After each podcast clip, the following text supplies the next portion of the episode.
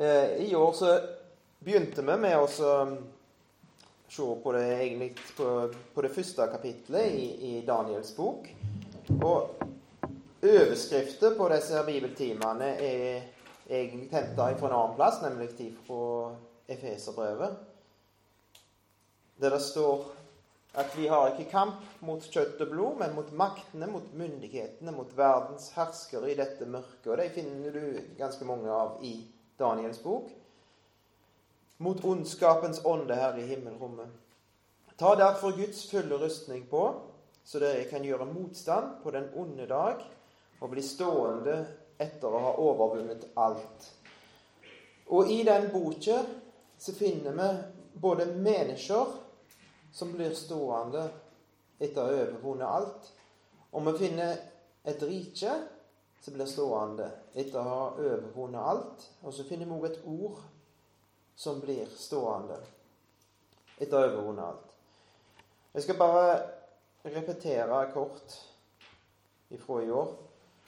Daniels bok den er jo eh, favoritten på søndagsskolen, for det er fodle med spennende fortellinger. Og alle har hørt dem mange ganger, en av så mange ganger at de blir lei av dem. Og så er det noen merkelige syner så det ikke blir fortalt så mye om på søndagsskolen, for de er av og til vanskelig å forstå, rett og slett. Men eh, vi skal se litt på dem i, i, dag, i den andre timen. For noen av dem er nøyaktige profetier om ting som skulle skje, både i nære framtid og i fjerne framtid. Men noen av dem er gått i oppfyllelse. Og så er boka skrevet rundt 530 før Kristus. Begynte i 605, når Daniel var en unge mann, og enda når Daniel var en ganske gammel mann. Eh, bygd opp i to deler. Det er to riker som Daniel får lov å være embetsmann i. Det medo-persiske, det babylonske og det medo-persiske som kommer etterpå. Eh, vi skal ikke gå nærmere inn på det, tror jeg, rett og slett nå. Men det som skjedde, det var at eh, Daniel og vennene hans ble bortført fra det landet de kom ifra. Nebukadneser invaderte Jerusalem. Og så tok han med seg noen av de hellige karene som var i Guds hus, og så satte han dem på museum i sitt sin Gud sitt hus. Dette er avleggs, dette er beseira. Dette hører fortid til. Vi er de sterke nå. Og så tok han til fange noen av de flinkeste og de som så best ut av de unge mennene. Og så ble de gjerne ført inn gjennom denne her porten når de kom til Babylon etter mange uker underveis. Når du ser hvor små de er, de folket som står i den porten der Det er noe digre greier. Noe som må ha vært overveldende for dem. Og så kom denne her greia her med Babylons hengende hager, så ingen vet helt hvordan så ut, men det var et overveldende syn av skjønnhet. Og det var lærdom i den byen. Det var universiteter. Det var alt som en by kan tilby. Du kunne tilby på den tida. Og mye bedre enn det de hadde. Og så ble det Så skjedde det noe. Identiteten deres ble tatt ifra dem. De hadde fått en identitet med seg ifra, som viser i navnene deres. Foreldrene deres hadde gitt dem navn som sa noe om Gud. Alle sammen. Alle fire. Navn som sa at du kommer ifra Gud, og du har med Gud å gjøre. Og det er Han du må forholde deg til. Og så fikk de navner som var knytta til avgudsdyrkelsen i Babylon. Det så ut til å være mye sterkere. Det som så ut til å ha vunnet. Og så fikk de utdannelse. Høyere utdannelse. Og ble nok møtt med samme budskapet. Det er våre guder, så er de sterke. Det er våre guder som er de sanne gudene. Og våre guder er en del av materien, en del av universet. Våre guder bestemme. Og den der guden som dere tror på, den guden som er utenfor, han kan dere bare glemme. Han fins ikke. Men så hadde de fått med seg en identitet timene ifra, så de var voksen opp med, som var så sterke at de kunne bli stående midt i den vanskelige kampen som de sto i. Å stå imot presset, så møtte de. Akkurat likt som det er i dag. Det er et enormt press som møter de som går på skole, de som skal studere, de som er ute i arbeidslivet, de som ser på, leser nyheter og ser på fjernsyn. Som møter oss. Og så trenger vi en kraft, en identitet, som kan hjelpe oss å stå imot. Og så Den andre saken som de møtte på, det hadde med renhet å gjøre. De måtte helle seg rene. Og vi er, ble sammenlignet med noen kar, noen kar av gull og sølv i Timoteus-brevet. Og du, altså jeg, jeg kommer på når vi var små, så overnatta vi hos bestemor. Og Der var det ei voldsomt bratt trapp ned til det eneste do i huset. Så da satte hun ei eh, oppe på rommet i andre etasje der vi sov, for vi skulle ikke gå ned den bratte trappa om natta. Så der, det var et eh, kar til Vannæra. Det var ikke så nøye med ei vaskebytte. Men hun hadde ikke sett ei sølvskål der, eller noe av gull der, til det formålet. Og det er ikke det samme hva vi fyller oss med, hva vi fyller livet vårt med, hva vi fyller sansene våre med hva vi tilfredsstiller lystene våre med, vi som er troende. For vi bestemte for for hellige formål. Eh, og så skal vi gå videre. Eh, vi er, skal lese om et rike som blir stående etter å overvunnet alt. Og Da skal vi først lese litt fra kapittel 2 vers 1. I sitt andre regjeringsår hadde Nebukadneser drømmer som gjorde hans ånd urolig, og han fikk ikke sove. Kongen lot da kalle til seg spåmennene, åndemanerne, trollmennene og kaldeerne for at de skulle fortelle kongen hva han hadde drømt. De kom og trådte fram for kongen, og kongen sa til dem, Jeg har hatt en drøm. Min ånd er rustet. Jeg vil vite hva jeg har drømt. Kaldeerne sa da til kongen på, arameisk. og Her begynner å skifte språket i, i boka, midt i det verset der, fra hebraisk til arameisk. Kongen lever evig. Fortell dine tjenere drømmen, så skal vi gi deg tydningen. Kongen svarte og sa til kaldeerne, dette mitt ord står fast. Hvis dere ikke forteller meg drømmen og hva den betyr, så skal dere hogges i stykker, og husene deres skal bli gjort til en skraphaug. Men dersom dere kunngjør meg drømmen og tyder den for meg, da skal dere få rike gaver og stor ære av meg. Si meg derfor drømmen og tyd den for meg. Dere er jo så flinke. Dere kan jo alt. Dere er jo mine beste vitenskapsfolk. Dere må jo kunne det. Dere må jo kunne si hva jeg drømte. De svarte da for andre gang. Vil ikke kongen fortelle sine tjenere drømmen? Så skal vi si hva den betyr. Kongen svarte, jeg skjønner godt at dere prøver å vinne tid, fordi dere ser at mitt ord står fast. Hvis dere ikke forteller meg drømmen, er det bare én dom for dere alle. Men dere er blitt enige om å fortelle meg en skammelig løgn, i håp om at tidene skal forandre seg. Fortell meg derfor drømmen, så vet jeg at dere også kan si meg hva den betyr. Kalderene svarte kongen. Det er ikke et menneske på jorden som kan si kongen det han vil vite. Det er grenser for hva vi mennesker kan. Vi kan ikke se inn i et hjerte, inn i tanker, og se hva som foregår der. Aldri har noen konge, hvor stor og mektig han enn var, krevd noe slikt av en spåmann eller rondemaner eller kalder. Det kongen krever, er altfor vanskelig det er ingen andre enn gudene som kan kunngjøre kongen det han vil vite, og de har ikke sin bolig blant menneskene. På grunn av dette ble kongen harm, meget vred, og han befalte at alle Babels vismenn skulle drepes. Da befalingen om å drepe vismennene var utsendt, lette de også etter Daniel og hans venner for å drepe dem. Daniel vendte seg da med kloke og forstandige ord til Ajok, høvdingen for kongens livvakt, som var dratt ut for å drepe Babels vismenn. Han tok til orde og spurte Ajok, kongens høvedsmann, hvorfor har kongen gitt denne strenge befalingen? Ajok fortalte så Daniel hvordan det hadde seg. Da gikk Daniel inn og ba kongen at han ville gi ham en frist, så han kunne kunngjøre tydningen for kongen. Deretter gikk Daniel hjem og fortalte sine venner Hanania, Mishael og Asaria det som var hendt, for at de skulle be til be himmelens Gud at han i sin barmhjertighet ville åpenbare denne hemmeligheten, så ikke Daniel og hans venner skulle bli drept sammen med Babels andre vismenn. Da ble hemmeligheten åpenbart for Daniel i et syn om natten, og Daniel priste himmelens Gud. Daniel tok til orde og sa:" Lovet være Guds navn fra evighet og til evighet, for visdommen og styrken hører ham til.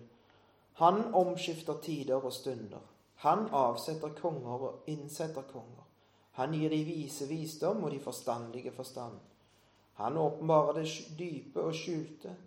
Han vet hva som bor i mørket, og hos han bor lyset. Jeg takker og priser deg, mine fedres Gud, fordi du har gitt meg visdom og styrke. Nå har du gjort kjent for meg det vi ba deg om. Det kongen vil vite, har du kunngjort oss.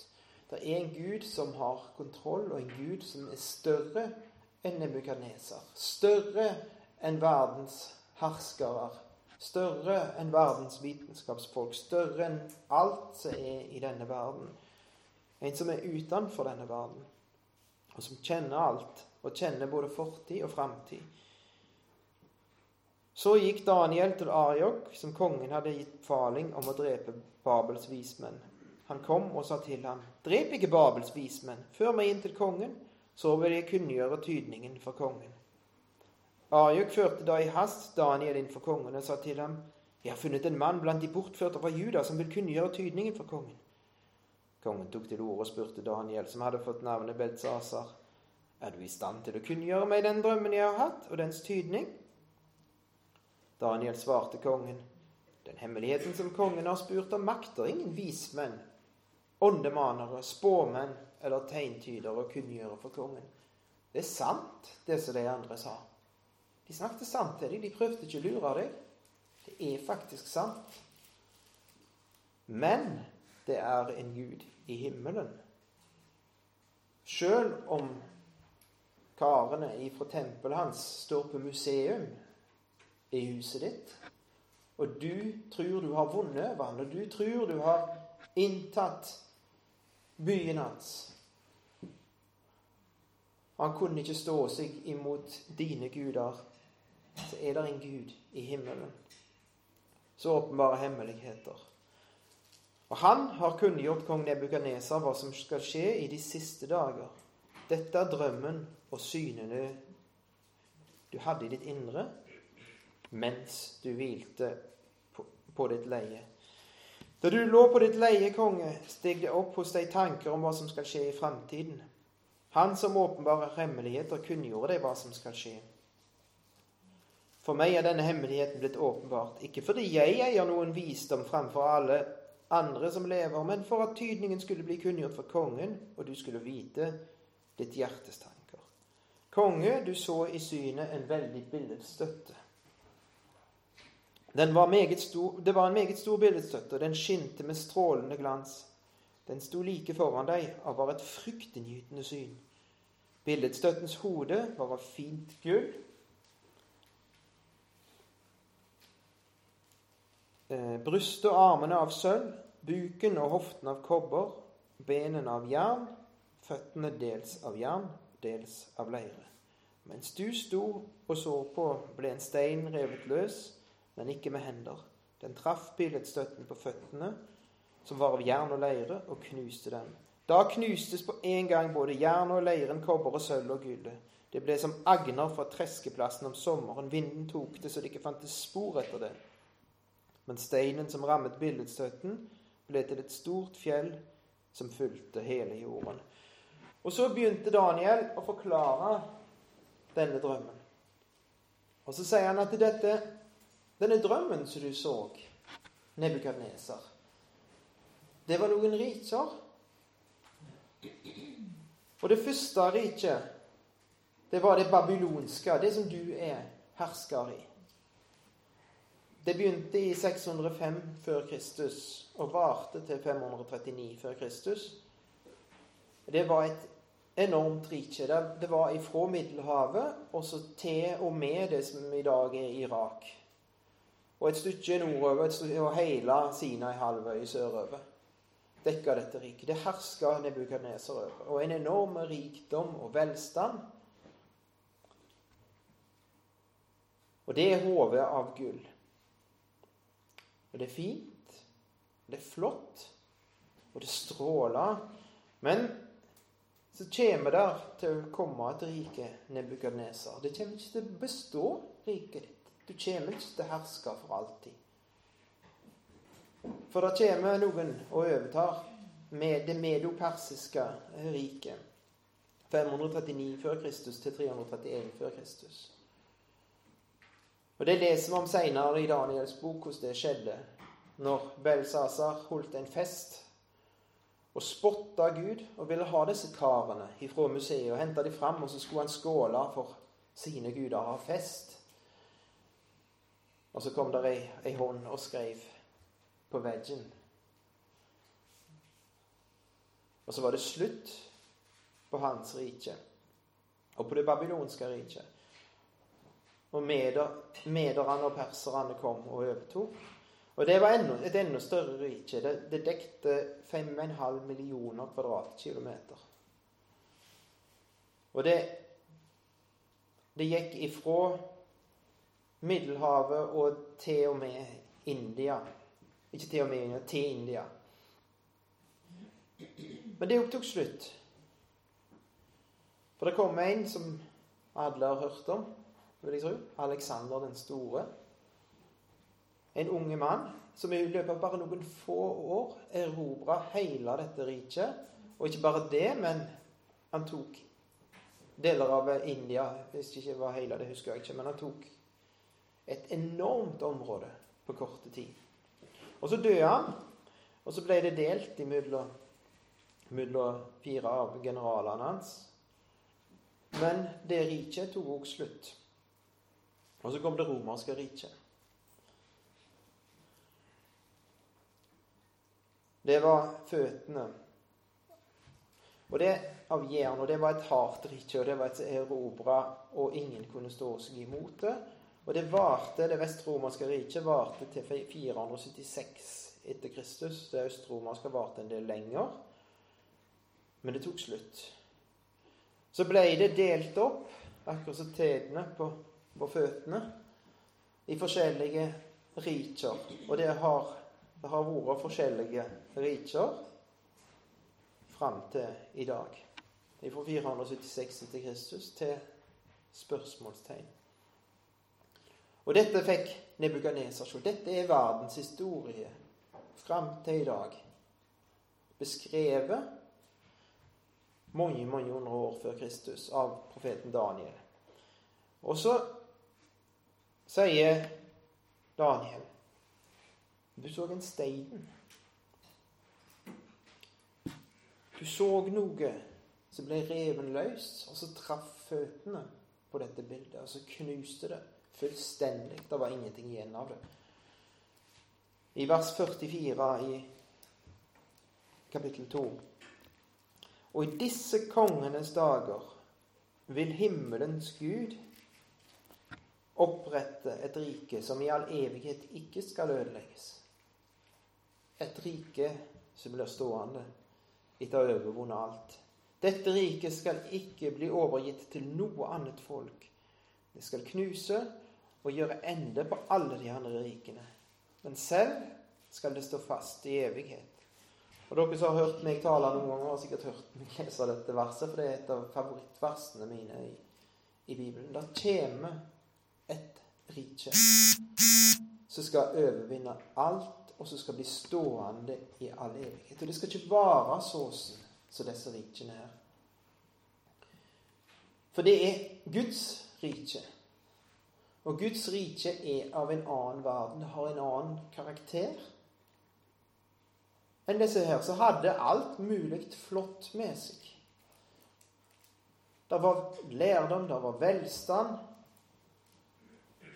Det var et samfunn med lover, og regler og ordninger. Men de herska ikke med rettferdighet.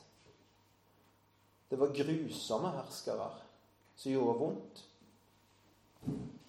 Og så har det vært Makt har alltid blitt misbrukt så lenge mennesker har hatt makt i denne verden. Og det virker altså sjøl de beste blir ødelagte når de får makt. Og Guds rike er òg et ødeleggende rike.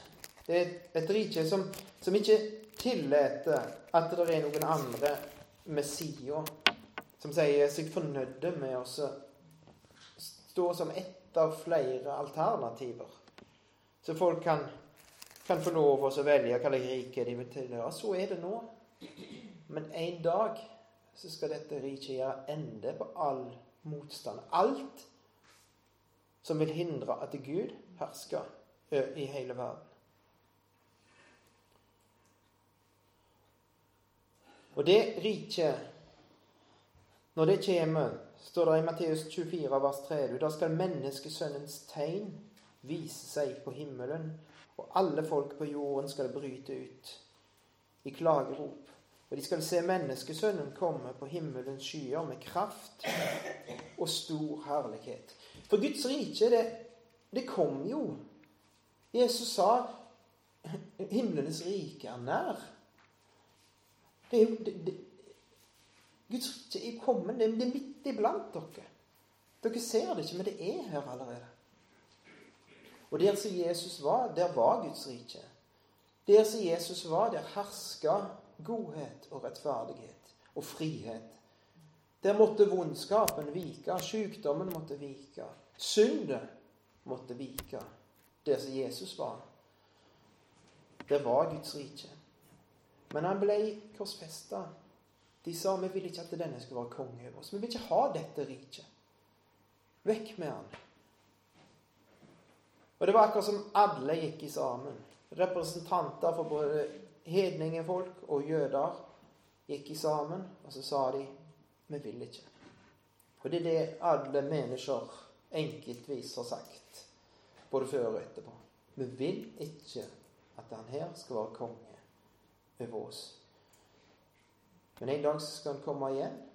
En dag så skal han komme ikke i fornedrelse, ikke hengende på et kors til spott og spe, i skam, men i makt, i kraft og store herlighet.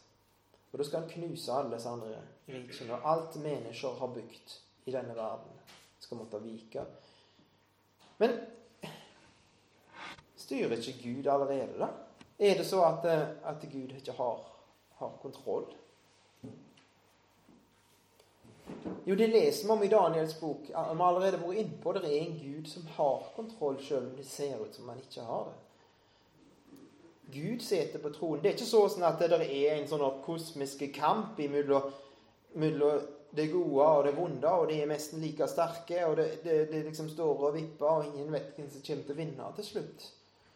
At Gud og djevelen er, er like store makter. Djevelen er en skapning på lik linje med alt annet. Det er en Gud, og han har fullstendig kontroll. Han kan puste, så forsvinner alt. Det ingen som kan stå seg imot han. Han sitter på tronen og har alltid sittet på tronen. Ifra evighet til evighet. Står din trone, Gud, står det i salmene. Men Gud tillater motstand. Gud er ikke en, en som Altså Gud kunne skapt en verden der, der vi var roboter hele gjengen. Der det ikke var motstand, der det ikke var andre viljer enn hans vilje. Der alt som skjedde, var hans vilje. Men i den verden ville det ikke vært noen som elsker Noen som elsker Han. Noen som ville høre Han til. Som ville høre Guds rike til. Det ville ikke vært det. De måtte. Det ville ikke vært det som gjør oss til mennesker. Vi ville bare vært noen dataprogrammer i Guds Som Gud hadde programmert. Men Gud tillater motstand. Gud tillater andre viljer enn sin. Og så er det noe som, som et, et, uttrykk som er Som noen har, har lagd, som sier 'allerede, men ikke ennå'. Og Guds rike er allerede her. Guds rike er kommet. Det kom med Jesus. Og Guds rike er til stede her på jorda. I hver enkelt som har bøtt seg for Han og sagt til Han at du skal være konge i mitt liv. Alle dem som tok imot ham, dem gav han rett til å bli Guds barn. Han kom til sine egne, og de tok ikke imot ham. Men alle disse tok imot ham, de ble en del av dette riket. Guds rike er her. Guds menighet er her, en del av dette riket. Det er Gud hersker. Det er Gud sitter på tronen. Men det er noe som heter 'ikke ennå'. Og det er viktig å få tak i. Det er noe som vi venter på. Det er ikke så at all sykdom blir helbreda i dag. Vi må vente på det. Det er ikke så at alt blir rettferdig i dag. At alle bønner om rettferdighet ifra de som lir urettferdig, blir hørte i dag. Urettferdigheten kan se ut som man vinner i dag ennå. Men det kommer en dag når Gud skal gjøre ende på urettferdigheten. Og rettferdighet skal bo på denne jorda i all evighet. Og så er det en konge. I ethvert rike så er det en hersker. Og i alle disse rikene som Daniel skrev om, så var det òg mennesker som herska. Og så er det med Guds rike òg. Det er et menneske som sitter på tronen. I Daniel 7 og, vers 9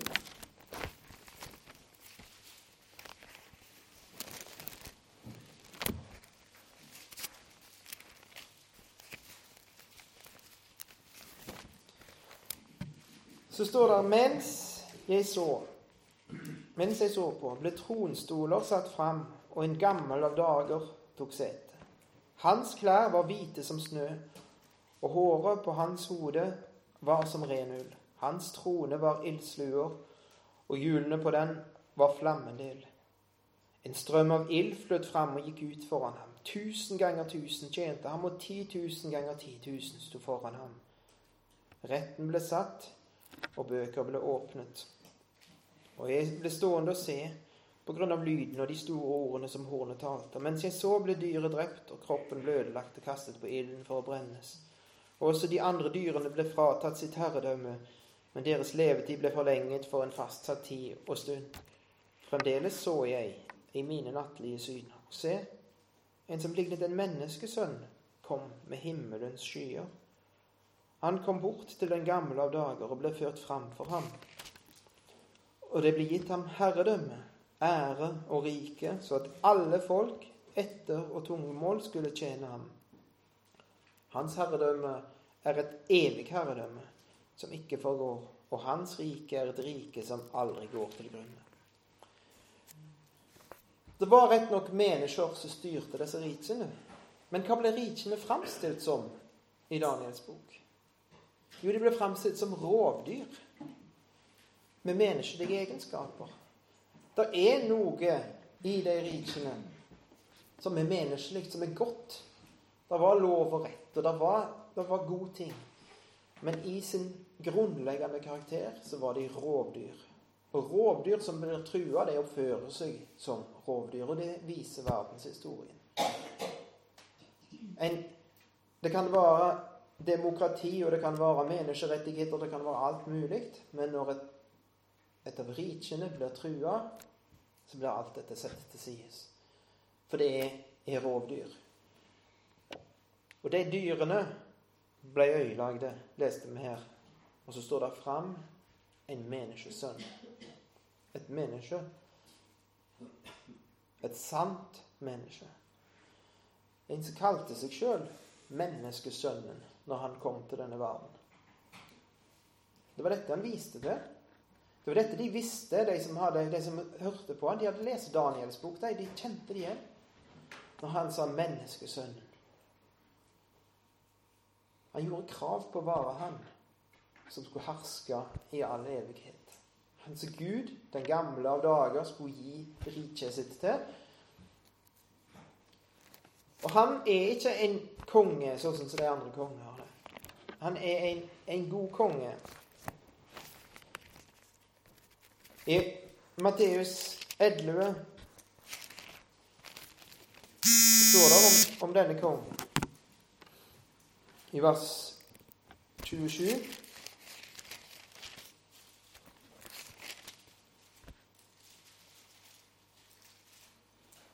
Alt er overgitt meg av min far. Altså, jeg er hersker over alt. Jeg er konge. Jeg har arva riket. Og ingen kjenner Sønnen uten Faderen, heller ikke kjenner noen Faderen uten Sønnen, og den som Sønnen vil åpenbare det for. Og så Kom til meg, alle som strever og har tungt å bære, og jeg vil gi dere hvile. Ta mitt åk på dere og lær av meg, for jeg er nedbøyd og ydmyk av hjerte. Så skal dere finne hvile på deres sjeler. For mitt åk er gagnlig, og min byrde er lett. Det er en konge som snakker her. Det er en konge som sier Vil dere ha det godt? Vil dere bli kvitt det tunge dere bærer på? Det så dere ikke klarer å lufte mest. Det tynger dere ned skuldet deres, ufriheten deres. Vil dere bli kvitt det? Kom til meg. Hvis jeg er kongen deres, hvis jeg er herskaren i det riket dere tilhører, så skal dere få et åk på dere, et styre på dere, som er lett og er til gagen for dere. Og så skal dere finne hvile. Mitt åk er ganglig, og min burde er lett. I første kongebok 12 så leser vi ei fortelling om dette her åket som en konge legger på folket sitt. Det var kong Salomo som var død. Og så, så var det en kar som skulle, skulle overta. Og han tenkte nå må jeg Nå må jeg eh, snakke med de som har greia på dette greiene her. Så han snakket i vers 6 så snakket han med de gamle. For det som var det at folk hadde kommet til ham og så sagt at far din han gjorde åket tungt. Det var tungt å tjene far din, for han bygde jo tempel og alt mulig. Så han bygde. Så det var hardt arbeid det er sikkert eh, høye skatter og prosent og alt mulig på, Samuel, på Salomos tid. Og Så kom de til, til kong Rahabam og sa nå har du sjansen her, nå må du må lette litt på dette åket her. Så skal vi tjene deg. Og Så tenkte han ok, jeg snakker med de gamle som greier på dette, de som har visdom. De som hadde gjort tjeneste til far hans. Og så spurte, spurte han hva, hva råder dere meg? Og så sier han jo, hør på dem. Gjør som de sier. Ta Letta på åket. Letta opp litt. Skru ned skattene litt, og la de få litt mindre plikttjenester for deg. La de få lov å få frihet til å bestemme over sitt eget liv. Litt større grad. Så kommer de til å tjene deg og bli lojale imot deg. Og så sier tenker Rahab meg sjøl at nei, vet du hva disse gamle folk. Det kan vi bare glemme. De er avleggs. Nå må vi snakke med kameratene mine. De som var voksne opp i lag med han, og så nå tjente han. Hva, hva skal jeg gjøre? Jo, si til de at eh, var det et tungt åk far min la på dere, bare vent til dere får kjenne mitt åk. Bare vent til dere får lov å jobbe for meg. Da skal dere lengte tilbake til hvordan det var på Salomo sin tid. En leder som skulle tøffe seg, en konge som skulle vise at det var han som bestemte. Som brukte makt, og så mista han folket sin lojalitet. Riket ble delt. Og bare to stammer igjen som fulgte han. Resten forlot han. Han tapte alt, for han gjorde åket tungt for de som fulgte etter han. Men her i Matteus 11 så har vi en konge som sier det at mitt åk er til gagen for deg. Det er ikke bare jeg som får noe igjen av det. Salomo sitt åk var til gagen for han. Rehabeam sitt åk var til gagen for han. Men mitt åk, å tjene meg, er til gagen for deg. Å tjene Gud er ikke bare noe som vi gjør for at han sier at vi, for at vi bare må. Jeg får vel det, da. Eller så går det gale med meg. Men det er et åk som er til gagen for de som tjener han. Et åk som resulterer i en belønning som veier opp for alt det tunge. Og så sier han samtidig men det er lett, for jeg bærer det med, med deg. For dette er ikke en konge som ikke har vært skjeten på nevene. Det er ikke en konge som ikke vet hva det er å være menneske. Det er en som nøyaktig vet hvordan det er. I, i Filipperbrevet 2 så leser vi om ham som alle kne, så hvert kne skal, skal bøye seg for. Og han er ikke sånn som de andre. Filipperbrevet 2, vers 5. La dette sinn være i dere som òg var i Hvem var de? Kristus Jesus. Kristus, hva er det? Det er kongen, det. Messias, den salvede. Han som regjerer, han som skal regjere, han som er herskeren i Guds rike. Hva innstilling hadde han? Hva sinnelag hadde han? Var han sånn som Nebukadneser, og så alle herskere etter han, som har gjort det de kan for å komme opp til toppen, og så etterpå så gjør de alt for å bli varende der på toppen? Var han så? Nei, han var der oppe, han. Og så steg han ned. Han som da han var i Guds skikkelse, ikke holdt det for et røvetbytte å være Gud lik, men uttømte seg selv idet han tok en tjeners skikkelse på seg.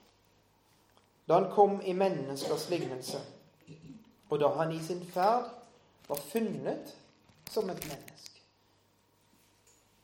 Han var et menneske. Han ble sulten. Han ble tyste. Han ble trøtte. Han ble triste. Han grein. Han hulkegrein, til og med, står der, når han grein over Jerusalem. Et menneske som vet hvordan det er å være et menneske. Vi har en ypperste prest, sier Hebreabrevet 4, som vet hvordan det er å være menneske. Han kan ha medynk med oss. Han legger ikke noen byrder på oss som vi ikke kan bære. Men han bærer med oss. Han er en god konge. For han er ikke bare den allvitende Gud som vet alt, som kan lese tanker, som kan se inn i framtida, som kan gjøre alt sånn som så, så, så Nebukadnesar fikk erfare. Men han er en gud som av erfaring Han lærte noe. Han lærte lydighet av det han lei, står der. Han lærte hva lydighet betyr i praksis med å leve som et menneske. Den allvitende Gud lærte noe nytt. Han vet hva det er å være menneske. Han vet hvordan det er for oss. Og det er han vi får lov å tjene. Og det er han vi lengter etter at det skal komme og overta. Men så er jo spørsmålet som alle har stilt oss Kommer det ikke snart, dette riket? Han sa jo 'Jeg kommer snart'. Men det er 2000 år siden snart, det. Snart og snart, fru Blom. Men Gud har for det første ikke samme tidsbegrep som oss. Peter sier dette. Allerede da så lurte folk på Kjeme? Kjeme det, dette riket? Så begynte folk å spotte og så si vet du hva, det er bare tull. Bare glem det der greiene der. Det er ingenting som skjer. Han kommer ikke. Andre Peter 3, så sier, så sier Peter at de, de overser noe med vilje. Og det de overser, det er bl.a. at for Gud så er ikke en dag en dag sånn som den er for oss og tusen år tusen år sånn som det er for oss. Men for Gud så er en dag som tusen år, og tusen år som én dag. Gud har et helt annet tidsbegrep enn oss. Og det er han dette handler om. Det er mye mer han det handler om enn noen av oss. Det er hans rike som skal komme. Det er hans sønn som ble fornedra, som ble spotta på, som ble hånte. Det er hans sønn som en dag skal få den plassen han skal ha. Og hvis vi er interessert i det, hvor mye mer er han interessert i det? Men han venter.